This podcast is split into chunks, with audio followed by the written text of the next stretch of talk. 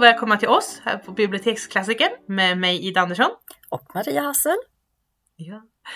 Vad har vi läst idag Maria? Vi har läst Madame Bovary av eh, Gustave Flaubert. Så då är vi inne på, vad var det, 1857 den kom va? Ja, Ja. precis. Precis. Ehm, så det var 1870, lite tidigare än, än där vi var med Anna Karenina som var förra gången. Precis. 1870. Mm. Ehm, men ehm, Lite samma tema. Ja, det kan Ja, man ju säga. Det, det, hade vi tänkt efter kanske vi hade kört alla tre böcker, precis som vi gjorde ett krigstema hade vi kunnat ta ett otrohetstema med Therese Raquin, Anna Karenina och Madame Bovary Mm. igen. Precis. Eller ja, i en följd. Ehm, för det är intressant. Ehm, den, ehm, han är, den är ju skriven av Flaubert som ju är en fransman precis som eh, Gud, det är Zola som har skrivit eh, Therese Raquin, eller hur? Ja. Ja. Eh, jo men det är det ju för de kände ju varandra för sjutton. Eller ja, var bekanta med varandra. Mm. Ehm, så att då, den borde då vara typ samtida. Nu kommer inte jag ihåg vilken tid den är. Nej men inte jag heller. Det borde man ju kollat upp. Men ehm, Men det alltså jag vet att vara.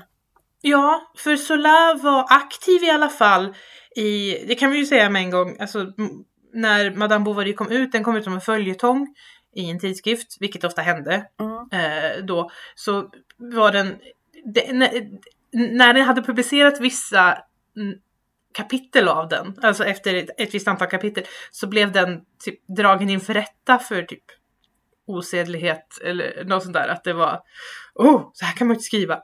Mm. Och då blev det ju, den, den, den blev frikänd i rätten så kan man ju säga. Den vann, han, Flaubert vann målet. Men, men eh, då blev det ju ett stort uppror liksom inom den kulturella världen. Ja, liksom, att många var ju upprörda och liksom Ja. så här. Ja. Och Sola var en av dem. Han skrev en artikel på det.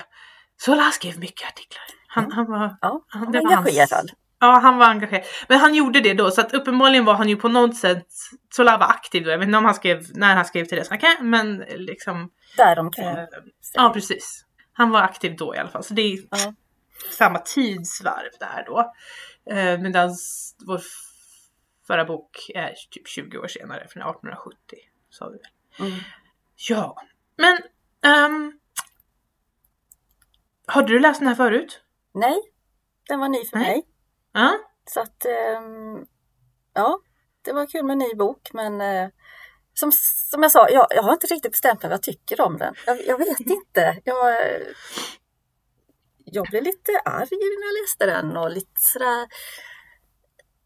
De var så osympatiska människorna. det är min var replik. liksom, ja, jobbigt och det. Och sen fastnade det här att han, han har, stilen var ju väldigt viktig Ja. för honom. Hur, hur man liksom, och det märks för att det, alltså det, det är bara massa beskrivningar. Som liksom, det blir liksom för mycket för mig någonstans. Mm. Sen tycker jag det är väldigt trevligt att som läsare få, få tolka själv och inte liksom beskriva på näsan så här vad som händer. Utan, men här blir det för mycket.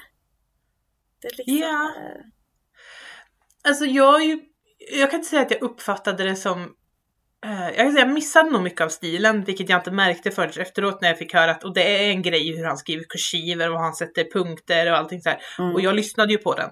ja. Så då är det så här, okej, då kanske jag missade någonting där. Det är första gången jag verkligen har känt att hmm, jag har nog missat något av att jag inte läste den utan jag lyssnade på den istället. Ja. Ehm, men Alltså jag vet inte, alla säger att ja, men berättaren är så eh, opartisk. Liksom det som jag har läst om den. Att det, det var en ganska stor grej att den var icke fördöm... Alltså den dömde inte och det var därför Nej. som eh, den blev dragen inför rätta för att den inte skrevs dömande. Och jag tycker, här, jag tycker den är jättedömande. Men det är ju jag som läser med mina moderna glasögon och, och, och liksom min bias då liksom att det här skildras på ett visst sätt och då, ja, Ja. det, sådär. Men ja, vi kanske får återkomma till det. Vi Ja. kanske ska gå igenom vad, vad som händer i Lite vad, vad den- handlar om. Ja. Vill du göra det? Ska jag prova? Får vi se.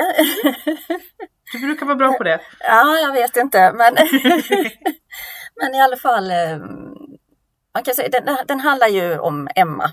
Heter ju hon tjejen då. Och hon gifte sig med Charles Bovary som är utbildad läkare och eh, Ja, alltså Emma är ju delvis uppvuxen på ett kloster och eh, har läst mycket, läst mycket och, och så här. Och eh, var väl lite det man fick in, liksom att eh, skulle vara lite förläst ungefär. Att mm. läst dåliga romaner och lite så. Så hon har liksom en... Eh, det känns som att hon tror att kärleken, det ska vara så stora känslor hela tiden. Det ska vara liksom mm. så mycket och eh, så här. Så hon blir ju efter ett tag ganska besviken. Och eh, i sitt äktenskap då att eh, det händer liksom ingenting. Utan det är ganska ja, tråkigt. Och eh, ja, jag vet inte hur mycket vi ska gå in på detaljer, men det är i alla fall, de blev bjudna på en bal. Eh, jag vet inte om Charles hade, i sitt yrke hade han väl Ja, någonting ja, sånt. Någonting i alla fall, så att de blir inbjudna på den här balen. För det var ju inte egentligen deras krets, om man säger så. Eh, och där är det ju den här Vikonten som eh, en stilig man som hon eh, ja, svärmar för. Hon, hon dansar väl med honom och lite så här. Eh, så det är en jätteupplevelse för henne som hon går och tänker på mycket och hon tänker på honom mycket. Och eh, hon läser sina böcker och läser liksom in honom i böckerna. Det blir en sammanblandning. Så hon liksom svärmar ju lite för den här mannen då. Men det blir ju liksom ingenting där. Eh, men där märker hon ju ännu mer att det händer ingenting i sitt eget äktenskap och det är inte stora känslor utan hon retar sig på sin man och är väldigt elak kan man tycka, alltså i sina tankar och så här. Eh, och hon går och väntar på och liksom hoppas på att ja, men vi kanske blir bjudna på bal igen då. Och väntar och väntar och väntar och ingenting händer. Eh, så att det, ja, det är väl ett ganska tråkigt liv för henne. Eh, och, eh, men hon blir gravid i alla fall. Och jag kommer inte ihåg, det var den här Jo, eh, hon är väl lite svajig i om hon är sjuk eller vad hon blir. Det kommer jag inte ihåg riktigt men Ja, hon får någon sån här riktigt Charles, eh, Charles är lite jätteorolig för henne liksom för att Ja, och är det inte då ja. man börjar fundera att vi kanske ska flytta och lite så här. Så det gör de ju och då var det väl så när de eh, de åker inte till huset direkt utan de åker till ett ställe för att äta mat eh, precis intill. Och det är väl där de träffar på den här Leon, mm. praktikanten. Ja. Vilket jag inte fattar. Vad, vad är han? Praktikant? Vadå? Hjälp? Hallå? För ibland kallas han praktikanten och sen är det Leon. Och det tog ett tag innan jag fattade. Jaha, det är en och samma person. Lite förvirrat där. Och eh, i alla fall Emma och eh, Leon de eh, ja, hittar väl varandra och sitter och pratar i flera timmar och liksom ja, det är väl någon sorts personkemi där. Och eh, jag har för mig att de hon är ju inte otrogen med honom där i den perioden, men de träffas väl mycket och samtalar mycket? Var det inte ja, så? de är typ på väg är de väl, att det är liksom, ja, de, de, men de vågar aldrig riktigt Nej, uttrycka men det. det. Och, det känns intimt samtal. Ja, och, och, Emma blir så här extremt dygdig under den tiden för att liksom nästan visa för sig själv att åh vad jag uppoffrar mig och jag är så duktig och mitt, mitt barn, jag bryr mig så mycket om mitt barn och min man och ja, nej, men jag är egentligen kär i någon annan men jag offrar det för att jag ska, jag ska vara så här, alltså. Ja. Hon är ju, hon är ju så otroligt romantiserande i allting hon gör. Precis. Jo, det, det är hon verkligen. Ja. Jag tycker inte om henne. Nej. ja, mm, så det, det händer i alla fall eh, lite smygande så. Och eh, hon har ju också tankar att det kommer fram det här att hon, hon är ju gravid och hon, hon önskar ju att det ska bli en pojke. För han nämner ju liksom att det här att eh, som man så är man fri. Men som kvinna så är man alltid hämmad. Eh, men hon får ju en flicka. Berte heter väl hon till slut. Mm. Eh, och, eh, och där är också så här, hon blir ju mer, mer och mer irriterad på sin man här och väldigt nyckfull och hon tänker till och med så elakt om, om barnet eh, som ja, vilken ful unge och, och alltså sådana här saker. Så hon jag tycker hon är jättekonstig. Men eh, och Le, hon är ju liksom lite konstig mot Leon också. Och, och tvär och så, så han flyttar ju till Paris. Han försvinner ur berättelsen där. Och eh, sen är jag för mig efter ett tag så träffar hon ju på den här, nej han Rodolf Mm. eh, uppsöker vi Charles, så är det väl? Mm. Eh, för eh, han för åderlåtning ville han väl Ja, han har en, sin, någonting. sin stallmästare, eller alltså det är någon som jobbar för honom som, eller hans eh, chaufför eller vad, någonting som, någon som jobbar för honom som ska återlåt, åderlåtas. Ja, det är i alla fall Så. det som händer. Så då kommer han in i, i deras liv. Och eh, han träffar ju på Emma också då där och blir väl väldigt eh, förtjust. Hon tycker han, hon är jättevacker och så här. Och, och han är också lite konstig. Han har ju liksom sina beräknande saker och Han är rent, jag tycker han är rent otrevlig. Liksom. ja, han är, ja, verkligen. Verkligen. Och, eh, men Emma faller ju för honom. Mm. Eh, Så de får ju ihop det där då lite och det är väl vid något tillfälle som han liksom ja, säger till henne att han älskar henne och så kommer Charles in. Och eh, han hör ju inte det men eh, och då fjäskar han ju för Charles och kallar- honom för doktor och liksom så här. Och, ja.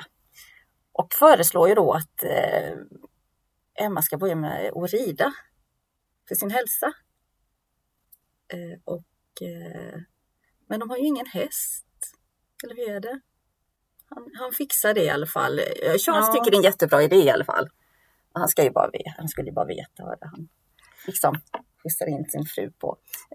I alla fall så skaffar de ju en häst. Och hon har ingen riddräkt och det är väldigt sådär liksom. Men det syr de Nej. upp och det är så. Alltså det är lite, hon är lite avig till det här ridlektionerna fram tills det kommer när, när det kommer fram att ja, hon måste ha en riddräkt. Hon ska Ja, få en riddräkt. då vänder det "Oh, liksom." Ja men det vill jag. Ja, Bara, Okej. Så det, är Ja. det är så konstigt det här eh, allting. Så de är i alla fall ute på ridturer och här är då den här otrohetsaffären med dem då. Så. Eh, och eh, ja, vad hände sen? Jo, men de, de träffas ju mycket och sådär, men de börjar ju planera i alla fall, eller i alla fall Emma, att de, att de ska eh, rymma tillsammans. De ska fly och liksom ha sitt eget liv på något vis. Men han får ju kalla fötter. Så han eh, dyker ju inte upp då när de ska liksom rymma. Utan han skickar väl bara en hälsning till henne att han har typ var tvungen att resa bort eller någonting. Eh, sånt. Så hon blir Ja. förtvivlad.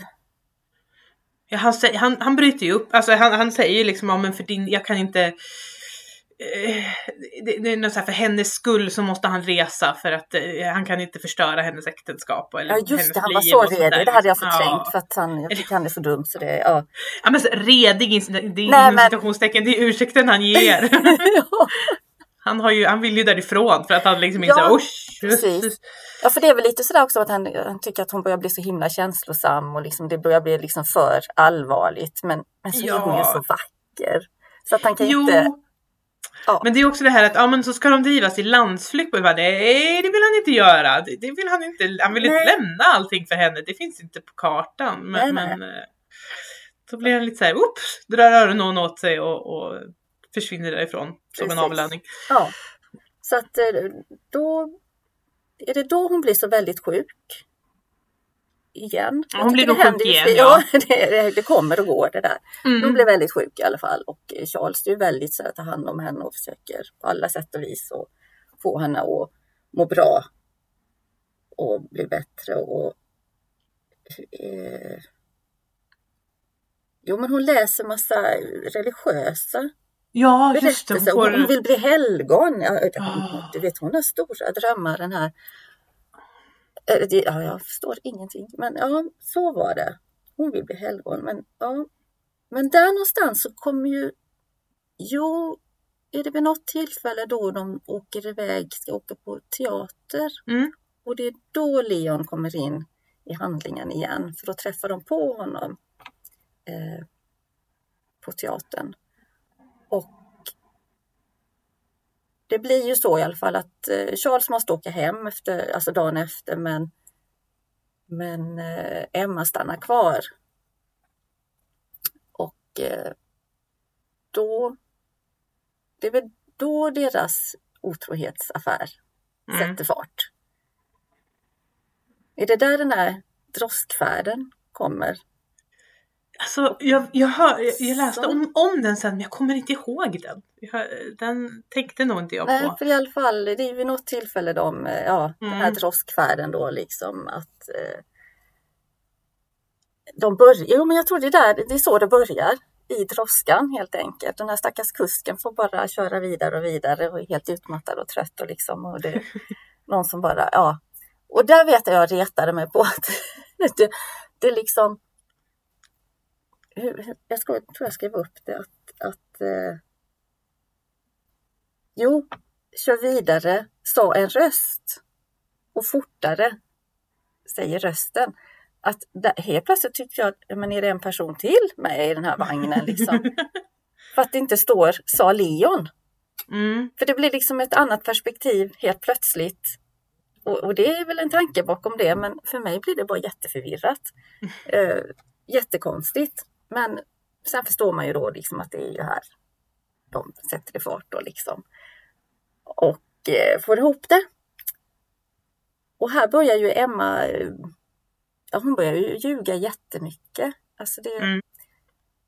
och, det blir som en eh, mani. En, alltså att hon liksom njuter av det. Hon ljuger mer och mer om allt. I princip Mm. känns det som. Att det liksom det tar över fullkomligt. Så, ehm, och sen håller hon ju på med, alltså hon skuldsätter sig. Mm. Och så det, det är väldigt invecklat det här hit och dit. Och Charles fixar i alla fall en fullmakt så att hon eh, Hon, får, hon får kontroll över Ja, hon- deras av ekonomi. deras ekonomi. Ja. Och det blir ju inte så bra alls. För det, hon eh, slösar något ohejdat så att eh, de står ju liksom på avgrundens rand där liksom. Fast det vet ju inte Mm. Charles om. Men så är det väl också då eh, Madame Bovary den äldre, Charles mamma. Mm. Hon ser väl till att den här fullmakten dras in vid ett tillfälle. Men då, då får ju Emma en, är det då hon får den här nervattacken? Hon blir helt Ja, skrattar säkert. höjdlöst och jag blev väldigt så. Eh, så Charles ångrar sig i alla fall så han eh, fixar ju en ny fullmakt. Och det blir ju inte bra. Och hon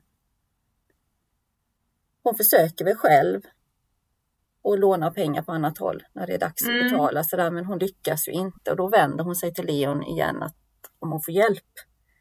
Och han försöker väl lite sådär Ja, han har ju inga lite så, pengar. men liksom. han, nej, han har ju inte heller något. Hon, tycker, hon är också väldigt hård mot honom där. Liksom. Ja, men det är ju bara att fixa ungefär.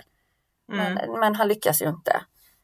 Så att jag får mig att han bara liksom lovar henne någonting att jag ska fixa det till den dagen så här då ska jag komma. Men, men det gör han ju inte.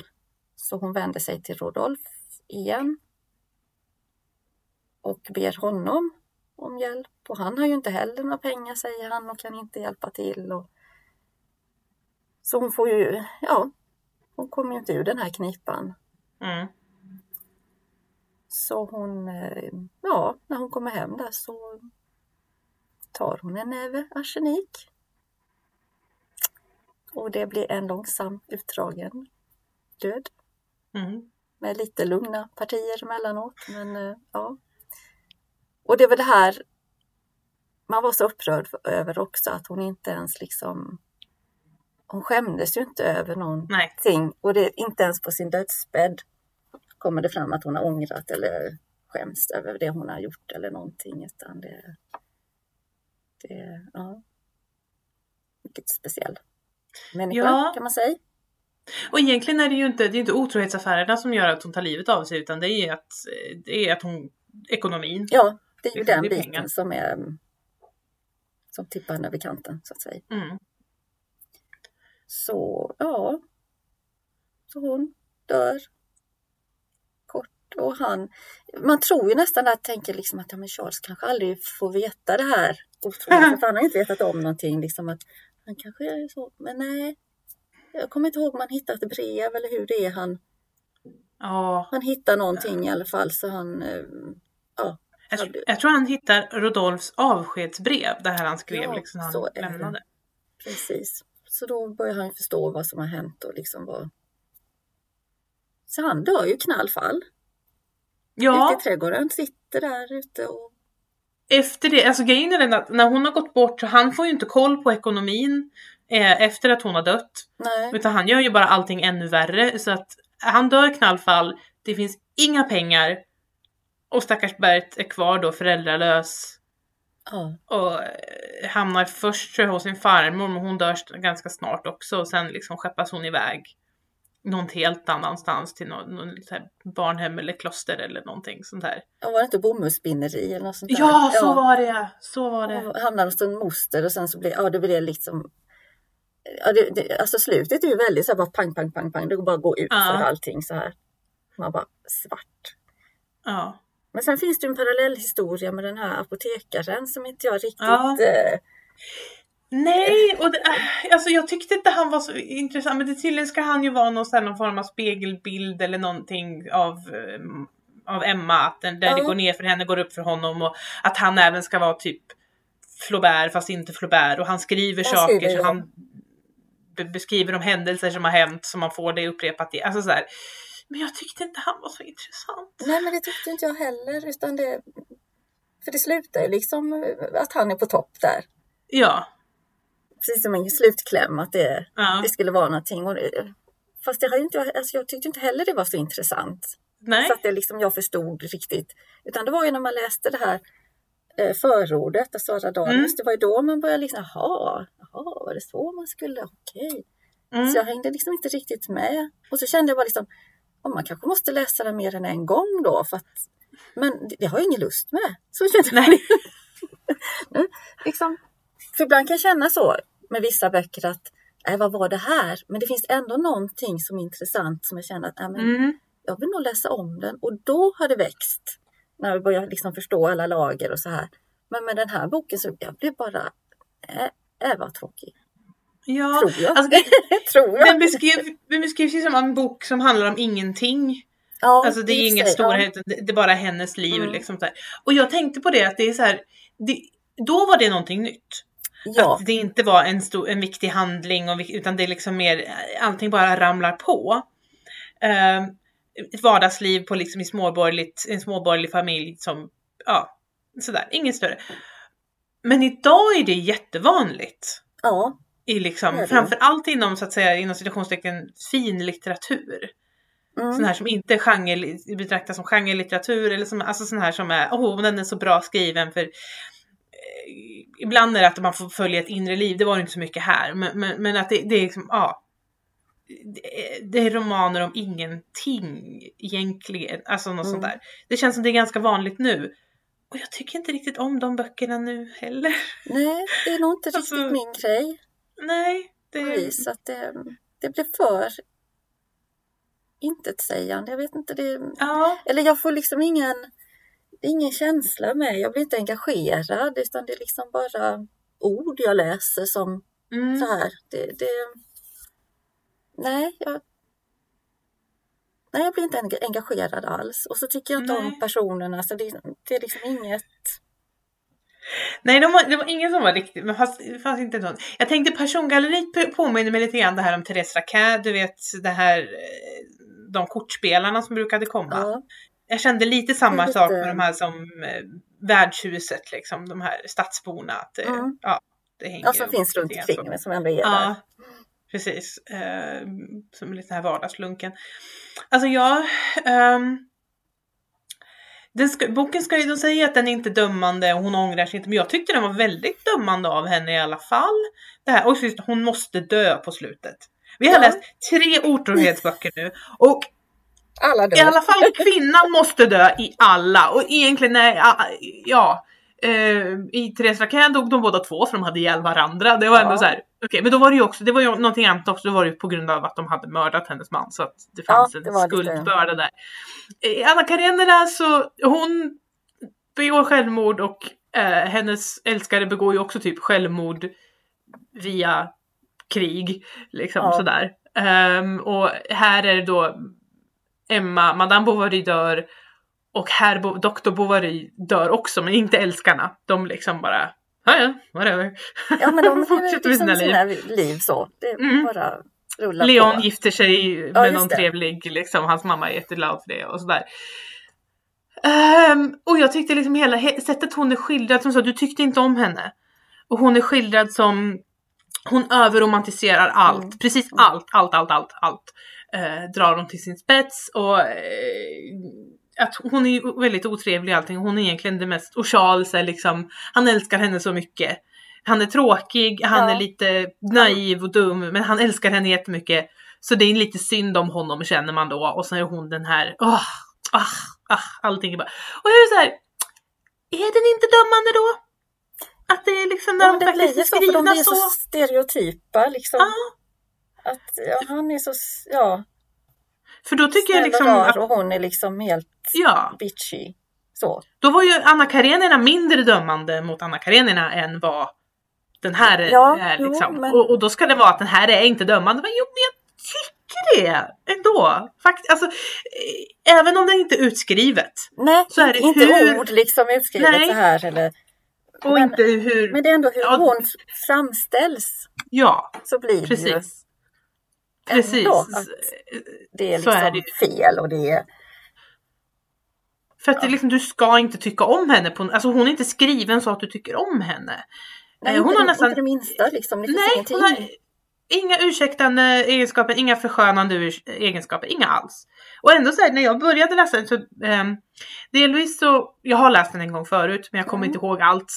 Ehm, jag kommer inte ihåg, det var ganska mycket jag hade glömt av den kan jag säga. Uh, bland annat så kände jag att åh, men hon skulle blivit tillsammans med Leon, det hade varit bättre än Rudolf. Och så, för jag kommer ihåg det här att hon hade någon som typ byggde upp hennes, det här att åh, det upp den bara så att Rudolf bara kan komma och plocka henne ganska lätt sen. Mm. För det har ju liksom, Mm. Leon har gjort förarbetet. Och sen såhär, oh, just det, hon träffar honom igen och det går åt helsike det också. Nej, det var inte bra någonting av det, men det hade jag typ glömt att Ja. de blev tillsammans sen till slut.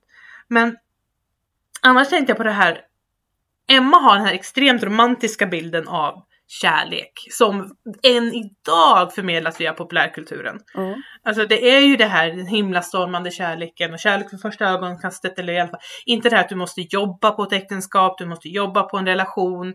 Att det är ganska bra om du i alla fall, om du kan vara vän med den du är kär i Mm. också, att det inte bara är hon, Emma har ju den här hon vill ha den här kärleken som Anna upplevde. Ja, Alltså det, det är ju hon. omvälvande liksom där man inte Ja, kan liksom precis. styra utan det bara. Ja, det är det hon förväntar sig. Mm. Att hon ska liksom svepas med av det. Och hon sveps ju med i typ bröllopsyran. Mm. Ehm, det här att de ska gifta sig, liksom förberedelserna för det. Eh, vilket man kan förstå. Mm. Ehm, och tror att det ska vara kvar sen, liksom den lyckan över det. Ja, Men ja, nej, så att det, det... Och allting det här hon romantiserar, hon romantiserar havet, för hon har aldrig sett havet. mm. Men landet som en del romantiserar, stadsbor romantiserar, romantiserar inte hon för att där bor hon, hon vet hur det är. Så då kan hon inte göra det. Men havet! Havet! Oh. Det, det, det, hon romantiserar allt! Allt, allt, allt. Och den var ju lite så här, ja men hon har förläst sig på dåliga romaner. ja. Är ju lite nästan taglinen. Men, men och det fanns ju det. Alltså det fanns ju en, en eh, oro eller en sån här moralpanik över kvinnligt romanläsande. Mm. Att det förstörde unga kvinnor. Ungefär, som man idag har liksom med tv-spel, att det förstör. Precis, de unga. det påverkar så mycket som man blir helt, ja. Ja, eh, så att det har alltid förekommit såna här moralpaniker genom hela historien. Det är ingenting nytt, det kommer inte försvinna. Men här var det ro- romaner och det här nästan skildrar det lite grann. Mm. Sara Danius skrev ju i sitt förord att nej men det är ju inte bara det, det är ju annat. Men det är ju, det är ju en del av det liksom. Att hon Mm. Är så, liksom, ja. Och de, på ett sätt sätter han ju emot det ganska bra. Jag har skrivit upp att de har den här motsatsen mellan Charles verklighet och Emmas drömmar. Mm. Att Charles är väldigt rotad i verkligheten. Väldigt, väldigt liksom nere i vanliga. Så han kan ju inte se att det är fel, någonting är fel för att han kan inte föreställa sig det. För Nej, nej, det kan inte finnas. Liksom. han, har in, ja, precis. han har ingen fantasi alls. Nej. Och hon har för mycket fantasi. Sen väl det. Ehm, det var så lustigt också det här, hon har det här romantiserande och sen när hon börjar köpa grejer så är det ju för att ja, men om, jag, om jag köper det här då kommer det bli så här. Man gör ju det själv också. Ja. Alltså, och det det hela reklam går ut på att om jag bara köper den där saken så kommer jag använda den så där. Och då, om, om jag köper den där hatten ja men då kommer jag ju se ut så här och jag kommer ha det tillsammans med de kläderna och jag kommer göra det här. Jag kommer sitta på ett café och liksom se ut och titta på sånt du aldrig gör och aldrig kommer att göra. Men om jag bara har den här saken så kommer jag att göra allt det här. Mm. Fast, nej, och då kommer det här hända och jag kommer bli så lycklig. Man säga, fast det är en sak. Men det är ju det, är det konsumenthets och eh, ja, verkligen kapitalism nästan går ut på. Så att det är så här, ja. Mm. Hon är skadad av det, men det, ja. Mm. Alltså det... Uh, Sen har... En sak, hon, hon är väldigt romantiserad allting men sen håller hon ju på något vis av sin egen självbild. Hon måste ju alltid bli förförd. Mm. Av både Rudolf och Leon. Det är lite såhär nej, nej, nej. Så att man kan om man är sån så kan man ju läsa det som att det är hur mycket samtycke finns det egentligen. Men samtidigt är det fast det är ju skrivet så att hon måste bli förförd. Och hade man skrivit det på ett sätt så hade det varit att ja, hon blir förförd, det är synd om henne. Hon har egentligen ingen egen vilja i det här. Men samtidigt skriver han det ju som att du förstår att det är så här, ja men det är bara pålagt. Mm. Det, det är liksom the lady doth protest too much. Alltså det är så här, nej jag kan inte, kom igen, försök. Ja, liksom. precis. Ja, ja. Så jag vet inte om jag kommer läsa om den, men ja. Jag tror inte Ja. det. Det finns så mycket annat man kan välja. Nej, det... Uh, ja, nej, den här... eh, Jag har, som sagt, det här är andra gången jag läste den och det... eh, nej, den var ganska tråkig. Tycker Ja, jag. det är väl det. För, för ändå kände jag liksom när jag började läsa den, det var vid något tillfälle, ja inte precis i början, då, då tyckte jag det var väldigt så här tjatigt och beskrivande och liksom, eh, det var lite om Charles uppväxt. Mm. Och, men sen var det vid något som jag inte har skrivit ner, som jag inte kommer ihåg, men det liksom var en känsla av att det nästan blev, det var någonting som nästan var lite roligt, eller jag kände liksom, men det här kanske, det kanske blir lite kul det här. Ett kort ögonblick, jag kommer inte alls ihåg vad det var, ingenting.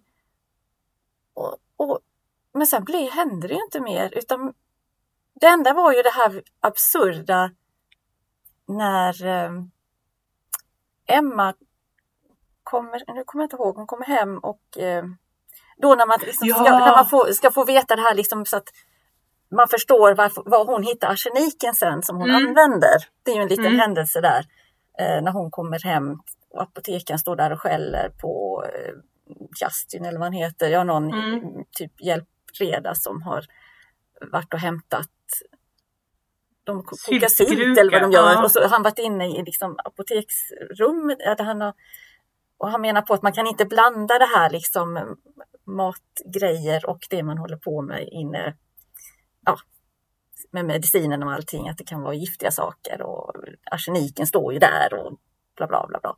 Mm. Och då har ju Charles bett apotekaren och lite mjukt tala om för Emma att, att hans, eh, ja, hennes svärfar blir det ju då, har dött. För att hon är ju Mm. så känslig så att det måste ju liksom lindas in och man måste ta lite försiktigt. Och han, liksom, det, det är ju han, Charles som har jättesorg och så liksom tänker han ändå på Emma Mm. då. Och liksom, det blir så konstigt och, och men samtidigt är apoteken så upprörd och ilsken och skäller och gormar och hon kommer mitt i detta förstår inte alls varför hon skulle dit innan hon åkte hem. Och så bara slänger han ur sig där helt plötsligt då liksom att, eh, jag kommer inte ihåg formuleringen men att, att eh, han har dött då liksom. Så det blir som en jättechock för henne så pang, alltså det blir inte alls så som man hade tänkt sig. Och, det tyckte jag nästan blev lite roligt då för det var så absurt. Mm. Och det var nog för att allt an- annat var så himla tråkigt också Ja. i boken. Så det, det liksom, där lyfte det lite. Men nej, sen blev det inte mer igen. Nej, och de har ju det här också eh, tidigare i boken när de har den här, vad han stalldräng eller någonting som har en klumpfot. Ja, just det. Och, och det är liksom när han började prata så operera jag bara, jag, jag skriver ja visst operera den bara, det, det kommer inte bli några problem med det. Nej då, inte alls. Nej, nej, nej, nej, nej, nej, nej. Jag kommer bli så berömd och liksom, det blir så bra och det... Oh ja, det här kommer bara bli bra. Och man säger nej, nej, nej, nej. Och så slutar det med att de amputera benet liksom. Ja. För att han får ju kallbrand i det för att de vet inte vad de håller på med. Nej, För att egentligen är Charles inte en jättebra doktor. eh, Egentligen. inte jätte. Nej. Nej. Och, och, och liksom helt, det är så vansinnigt. Och det är och med också, den ska liksom håsar upp det för då ska han skriva om det och så ska det bli, och så skriver den här fantastiska nya eh, nya teknologin och allting. Och, och Ja. då var vi så här, det, här- kommer inte gå bra. Det, är, det blir så att ni är dåliga och sen också annars skulle han aldrig skrivit. Nej, man förstår att det måste ju komma någonting liksom. ja, det, det Och så verkar det så ja, fruktansvärt enkelt de skulle göra det. Det var så enkelt, knips, knips och så är det färdigt. Mm. Och man bara säger, ja men det där, det går väl inte. Nej, och så blir jag liksom i mitt stilla sinne hur mycket koll har man på eh, liksom sterili att sterilisera miljön och hålla det rent och, och eh, bakterier och sånt där. Hur mycket koll har man egentligen vid den här tiden? Jag tror man började ha koll på det. Men eh, hur man skulle förhindra och sånt där. Ja. Jag vet inte. Jag kan rekommendera en bok på det förresten. En faktabok som heter, heter den? Konsten att skära i kroppar. Mhm. ehm, tror jag. Som är, handlar liksom om eh, kirurgins historia. Eh, framförallt i, i, alltså de som började ta fick upp det här liksom att det måste Ja, vara sterilt på olika sätt. Ja. Eh, den är väldigt bra. Eh, för att bara sådär. Ja, Den är bra och intressant. kan läsa den istället. Ja precis, det kan väl, jag, jag kom att tänka på den när, den var liksom, när det var det där stycket. Att Ja, det liksom, förstår jag. Men hon, jag tänker på Emma, alltså hon är ju väldigt det är väldigt mycket, alltså hon blir sjuk hela tiden. Man undrar liksom, Ja. alltså, vad, vad är det egentligen? Vad, är det liksom att hon blir sjuk? Alltså blir hon deprimerad? Eller vad? Det känns ju ibland som hon är lite manodepressiv sådär, det går upp och ner. Mm. Och, och lite den känslan får jag för att det är så väldigt tvära kast och det just att de blir så väldigt dålig beskrivs det Mm. som. Eller, och sen det här då att hon är som en mytoman, att hon liksom hon verkar ju ha massa störningar. Ja, ja men det är intressant. För, alltså jag läste det bara som att hon är överkänslig för hon är så jätteromantisk så att när det då går henne emot så måste hon då liksom ah, då blir det... Men det kan ju faktiskt vara att det. Jag tror inte, återigen, jag tror inte Flaubert hade en aning om vad det faktiskt var. Nej, men men, han det- kanske, ja, Alltså man har Man har sett det hos mött- folk ja, och så precis. tolkar det ehm, som någon Ja, ja, men det här kan jag skildra men man vet inte vad det är man skildrar egentligen. precis. Men man tycker att ja, men det passar in här för det har, det har jag ju liksom stött på eller. Mm.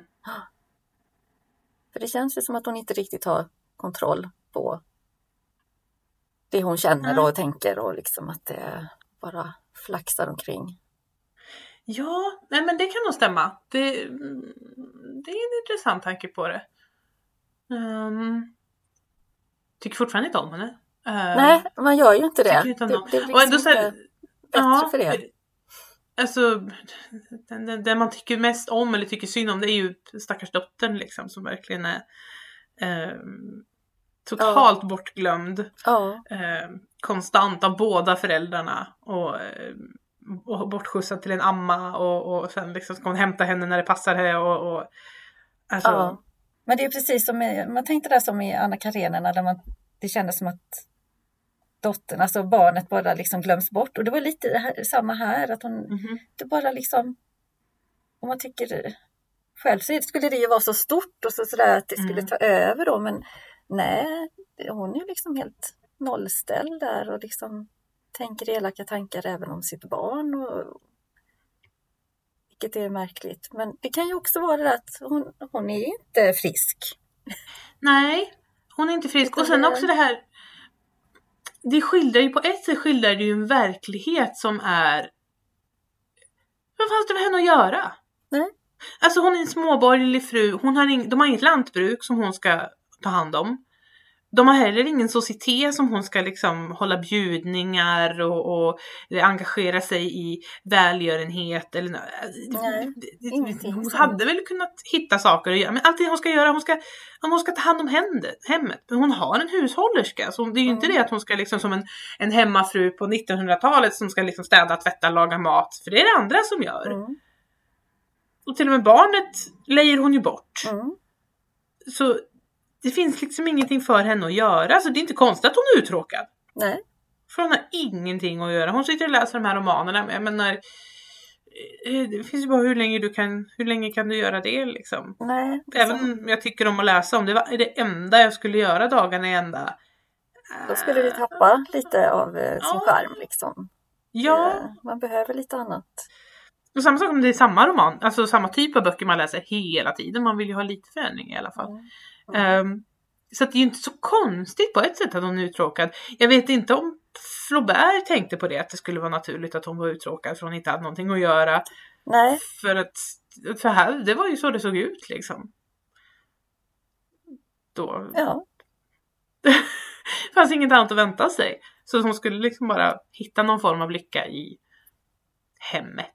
Men det är också det här, Ja. men för, det- ja, det hon gör, det hon hittar lycka i är att handla. Shoppa. ja, det blir ju det. Och det är ju till Så- hemmet. Så, så hon har där slår det också heller. över så fullkomligt. Så att det känns som att hon Mhm. hade ju inga hon har liksom inga begränsningar, hon kan inte stoppa sig Nej. själv utan det är liksom bara då går hon all in där liksom. Och bara förköper sig och allting och ja. Så allt det där hänger ihop på sätt och vis. Mm. Boken igenom. Det gör ju det. Alltså egentligen en stor, alltså på ett sätt. De är ju lite, de har ju upp otrohet, samma sak här, de har ju manlig otrohet förekommer ju att här- Bovary den äldre, här Bovary den äldre är ju konstant otrogen och det är Mm, liksom bara, mm. "Nej, det är så det är. Men samtidigt i det äktenskap som Emma lever i, om det bara hade varit otroheten, hon hade ju kunnat klara det för att Charles märker ju ingenting. Nej, nej. Utan det är ju egentligen det här köpmanin och hennes dåliga ekonomi som gör att det är det som blir hennes fall. Ja. För att älskarna, så, ja men det hade bara fortsatt. Hon kanske hade tagit en annan, tagit en annan. Sen kanske hon hade liksom rymt med någon. Men jag tror inte det heller för hon är inte så jättebra tror jag på att komma till skott. Nej. Det var nog kanske mest drömmarna liksom. Att Ja. det skulle hända något stort omvälvande som... För det är det också att hon är ju väldigt... ehm, förutom att köpa, men även där så leds hon ju av köpmannen att du kan göra det här, du kan göra det här. Du, ja, vill du Mm. inte ha det här? Först att liksom det. Och sen har ju han alla lösningar på de ekonomiska problemen som egentligen bara gör att de blir ännu värre. Att hon ska sälja Mm. liksom någon gård som de har och sådär. Eh, så det måste hon ledas in. Hennes otrohetsaffärer måste hon ledas in. Hon måste förföras. Annars så händer ingenting. Hon, gör, hon agerar inte. Och när de ska rymma då liksom, hon väntar ju på att Rudolf ska göra någonting. Och när han då inte gör det utan han istället sticker, nej då, då blir det liksom ingenting. Det är inte att hon ja, granskar sitt liv eller drar själv, alltså åker själv bara för att hon inte står ut längre. Mm. Utan det hade varit liksom, ja, ah, nej. Så hon har, hon, hon har liksom ingen egen agens på något vis. Alltså hon, hon, hon agerar inte själv utan hon bara reagerar Mm. konstant. Um, sen hennes reaktioner är väldigt stora. Ja. Alltså att hon, hon går till extremiteter. Men hon, om hon aldrig hade träffat på de här älskarna hade hon bara gått och varit olycklig och uttråkad och smågnabbat med sin man. Om hon inte hade träffat på den här köpmannen så hade hon inte börjat köpa så mycket. Alltså om inte han hade hon hade säkert köpt grejer för det, man träffar alltid på folk som vill sälja saker. Men Men Om inte han den inte hade- omfattningen liksom. nej, inte om inte han hade kommit med de förslagen så hade hon liksom inte Mm. gått ner i den spiralen av Nej. eh, Nej, som du säger, eftersom det är han som ändå fixar liksom få, få mer pengar mhm. och liksom verkligen hamnar i den här skuldhärvan. Det är ju liksom... Han har ju väldigt stor del i det. Oh ja. Eh, det, det, han är ju nästan, alltså om man ska, han är ju nästan skurken i berättelsen. Ja. Om man ska säga så. Det, Jo, om det finns någon det så ju. är det nog egentligen han. Han låtsas ju Ja. att han är så himla snäll emellanåt och sådär men sen så går det ändå ja, Ja, käpprätt åt precis. svängen. precis. Nej. ehm, så det är ju lite det här. Ja. Alltså jag har svårt för sån där, för den, den beskrevs som en roman om ingenting. Och jag har svårt för det som händer, handlar om ingenting. Det är samma sak, jag, äh, om man ska ta ett modern mot- motsvarighet så är det liksom Seinfeld sa ju att det var, var show, tv-showen om ingenting. Mm. Och jag tyckte aldrig den var särskilt jättekul. Vad säger du? Det som är så bra! I know, jag vet att alla älskar den men jag var lite alltid mm, nej. Och det är också osympatiska människor som där saker händer Mm. bara. Mm. Det, det händer dem. De söker inte upp det utan Nej, det bara det händer. bara händer liksom. Och det, här, det är ju det som är här också liksom. Ja. Eh, saker bara händer henne.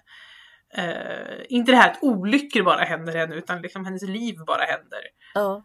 Hon tar ingen, i och med att hon inte agerar själv utan det bara låter så, så tar hon ju heller inget ansvar. Det är därför tror jag hon inte känner någon ånger där. För att egentligen hon har inte, hon upplever ju att det liksom bara har, det är så här, det, alltså det har bara rullat på. Mm. Hon har egentligen inte fattat några beslut känner hon nog inte. Utan hon har bara gjort det hon var tvungen att göra. Mm.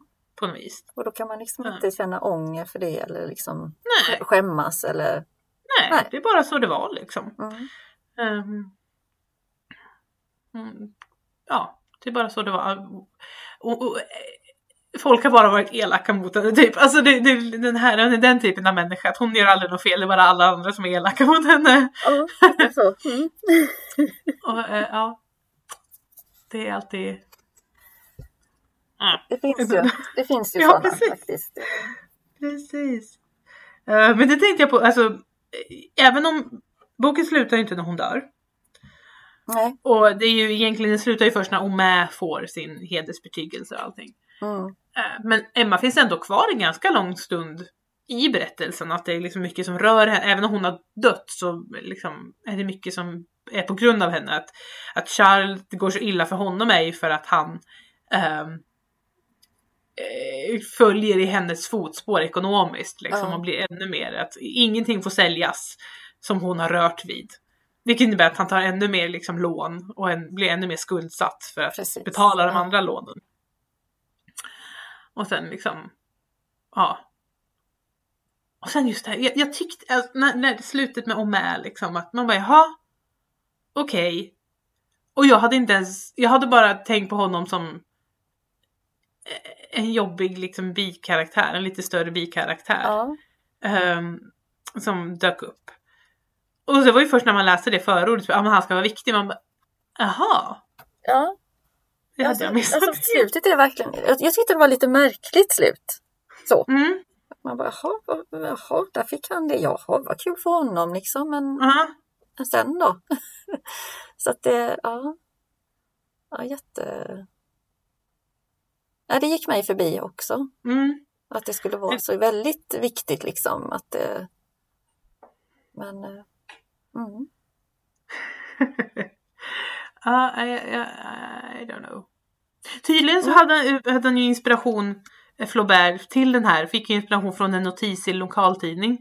Jag vet Mm. inte vad det skulle, jag kommer inte ihåg vad det stod stått i den notisen. Men jag tänkte i och med att det var ju, det var ju Anna Karenina också. Det var ju också en tidningsartikel det som liksom- inspirerade. Sätter igång tankar liksom. Mhm. Fast här blev jag Ja. nyfiken på vad det var för notis. För det, det har jag inte lyckats. Jag vet inte. Nej. Jag vet inte alls vad det kan ha varit för någonting. Det- det, Nej, det kan ju till och med ha varit att det egentligen var Omä som var inspirationen till alltihopa. Precis, jo men det kan det ha varit. Alltså, eller, Om han nu ska vara så viktig och Ja. eh, liksom ett substitut för Flaubert själv. ja. Ehm, så ja. Mm, nej, vem vet.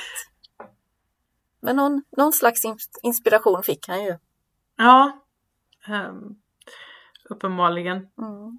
Ehm. och sen undrar jag lite grann också det här att, ja men det här sägs att det är den första moderna romanen Madame Bovary. Mm. Vilket jag är lite så här. Well, det beror väl på vad du menar med modern roman. Alltså det är väl det här att det är det här osäkra. Men det är återigen som jag sa, många icke-genre böcker som så här, inom citationstecken fin litteratur betrakt är ungefär så här. Mm. Typ, att det händer ingenting. Medan då har man istället så här, ja men när det ska vara om vi till exempel skulle ta Jane Austen istället, som jag tycker är, där har vi väl, hon är ju långt tidigare och ehm, det är ju också romaner som romaner skrivs idag. Men då är det så, ja men det är ju inspirationen till typ romance-litteraturen eller Mm. liksom den typen av, och det är inte lika, det är inte en riktig Det är inte den stora romanen. No. Nej. det är, inte, det är inte fin litteratur, det är, det är genre-litteratur och det är inte lika fint. Mm. Och då blir det lite så här, mm, okej. För då är det så här, vad är det man menar med det? mo- Jag förstår inte riktigt vad man menar med den moderna romanen i det här. Är det liksom det här att det handlar om ingenting? Är det att stilen är viktig? Eller är det att han har den här osynliga berättaren som inte ska döma? Eller är det liksom att den är... det- För en modern läsare kan du läsa den. För det finns ju liksom ett brott i äldre litteratur som gör att den, alltså ju längre bak du går och läser desto svårare är det för en modern människa att bara lätt läsa den. Ja. Ehm. och det, om man ska säga det, det som är den moderna romanen när det blir lätt för dig att läsa den så tycker jag det kommer tidigare. Men ja. där kan jag ha mm, Det- jätte, jätte, jätte fel. Ehm, så det kanske är liksom just det här med hur man ser på det. Jag vet Ja, och att man, det, jag, kanske jag, att man inte liksom eh, förklarar och, och tolkar mm, så mycket, att man, utan det ligger hos läsaren att det är du som Mm. ska se, tänka in vad det är som eh, menas. Och, Ja, att man lägger för, nu tänker jag på det här, liksom, just att den blir åtalad, eller han blir åtalad för den här och att den blir friad. Och liksom han, eh, försvarsadvokaten, det var ju liksom det här, han tryckte på det att det, blir, det är ju som ett avskräckande exempel. Och då blev den friad liksom. Att, eh, Mm. eh, så jag vet inte om det är lite det man menar. Ja, alltså det kan ju vara det att det är det här att man ska inte, att, att mer en fas lägger, läggs på att men, läsaren är intelligent. Jag behöver inte skriva Mm. läsaren någonting på Nej. näsan och det, den får tolka hur den vill. Det är möjligt att det är det som är liksom menat, att det, det kan vara det. Men jag, jag vet inte heller. Jag står mig frågande. ja, och sen undrar jag liksom också om den hade blivit så känd och så bestående om det inte hade varit för att den blev åtalad. Nej, det, det undrar jag också. För det är ju det som verkligen har liksom Ja. lyft den. Att den finns Precis. med. Det, det är inte säkert att den hade stått sig så. Nej. Eftersom vi båda tycker den är inte tråkig. Det finns säkert folk som tycker den är jättebra. Ja, att det är bästa de har läst. Åh. Men det hade varit jättekul att få lite kommentarer om det då. vad, Ja. vad är det vi missar? Vad är det vi Ja, läser precis. fel? Eller liksom, vad, vad är det som är bra? vi behöver hjälp här ju. Ja, vi förstår inte. Åh, vi förstår inte. Ja. Vi, vi det är hade för varit lästa på dålig litteratur. Ja, kanske är det. Ja, vi kanske läser för eh, mycket annat skräp. Vad vet jag? Vi är inte fin, finkulturella nog för att förstå det Nej, här. kanske är så lite. jag kan ändå tycka att det bra med bibliotekarier som inte är för finkulturella för att då blir man inte... Oh ja! Man behöver inte vara en sån snobb med eh, litteratur när man jobbar med det och ska få andra att läsa. Nej, det behöver man faktiskt inte. För att det, Jag tror inte det hade hjälpt mig i min profession om jag hade varit litteratursnobb. Nej, det är snarare tvärtom då. Det är bättre Mm. att komma lite underifrån och kanske lä- Ja. lära sig under resans gång och liksom upptäcka saker. Men att eh, ja, man har bredden. Japp. Så, ehm, vi rekommenderar inte det här då. antar jag. Ja, ja Det- Den, inte så jätte. Nej. Det, det Nej. finns mycket, mycket, mycket bättre man säger. Det, Ja. Det, det gör den. Sen är den inte Det- jättetjock. Det är som en vanlig normal eh, roman Mm. i, i, så, om man tänker tjocklek liksom. Så vill man så kan man väl testa men eh, äh, ta hellre något annat kanske. Ja, jag, jag, jag, kommer nog inte läsa den en tredje gång. Om det inte, om det inte är någonting väldigt oförutsett händer så att jag Nej. inte behöver göra det. Men nej, jag tror inte det. det. Det är bra nu. Mm. Men eh, Nästa gång ska vi läsa en lite tunnare bok. Vad ska vi läsa då? Ja, det, det blir en liten tunnare och det blir en svensk författare. Så det blir eh, Det går an av Carl Johan Love Almqvist. Precis. Så nu hoppar vi över till Sverige. Ja, och gå lite längre bak i tiden också. Ja, Eller hur? Ehm, så att det, det kan väl bli spännande. ja, det... Se vad vi tycker om den. Jag har läst den innan, Mm, jag med. men jag får läsa den igen. Ja. Jag tror det var på gymnasiet jag läste den så det var, det Mm. var, det var länge sedan nu. Ja, Ehm, länge sedan än vad jag vill tänka på. Ehm, men, men ja, så det ska bli det ska bli spännande och det, som sagt det ska bli skönt att få läsa en lite tunnare. Nu har vi, även om den här var inte så tjock, men samtidigt den kändes tjock, hörde du, Ja. faktiskt. Och så var det också jag tror att vi tycker den är inte så tjock för vi jämför den med Anna Karenina. Ja, man blev påverkad där också. Ja. Så att nu blir det en liten lektyr sådär som... Ja, precis. Ja. Är bara... Den, den, den kan man ta på en... Inte en kaffekvart, men, men kanske bara några dagar istället för Ja. två, tre veckor. Lite annat ändå. Och det är trevligt. Ja, Någon gång. precis. men ehm, då ger vi oss på den och så hörs vi nästa gång. Ha det bra! Hej då!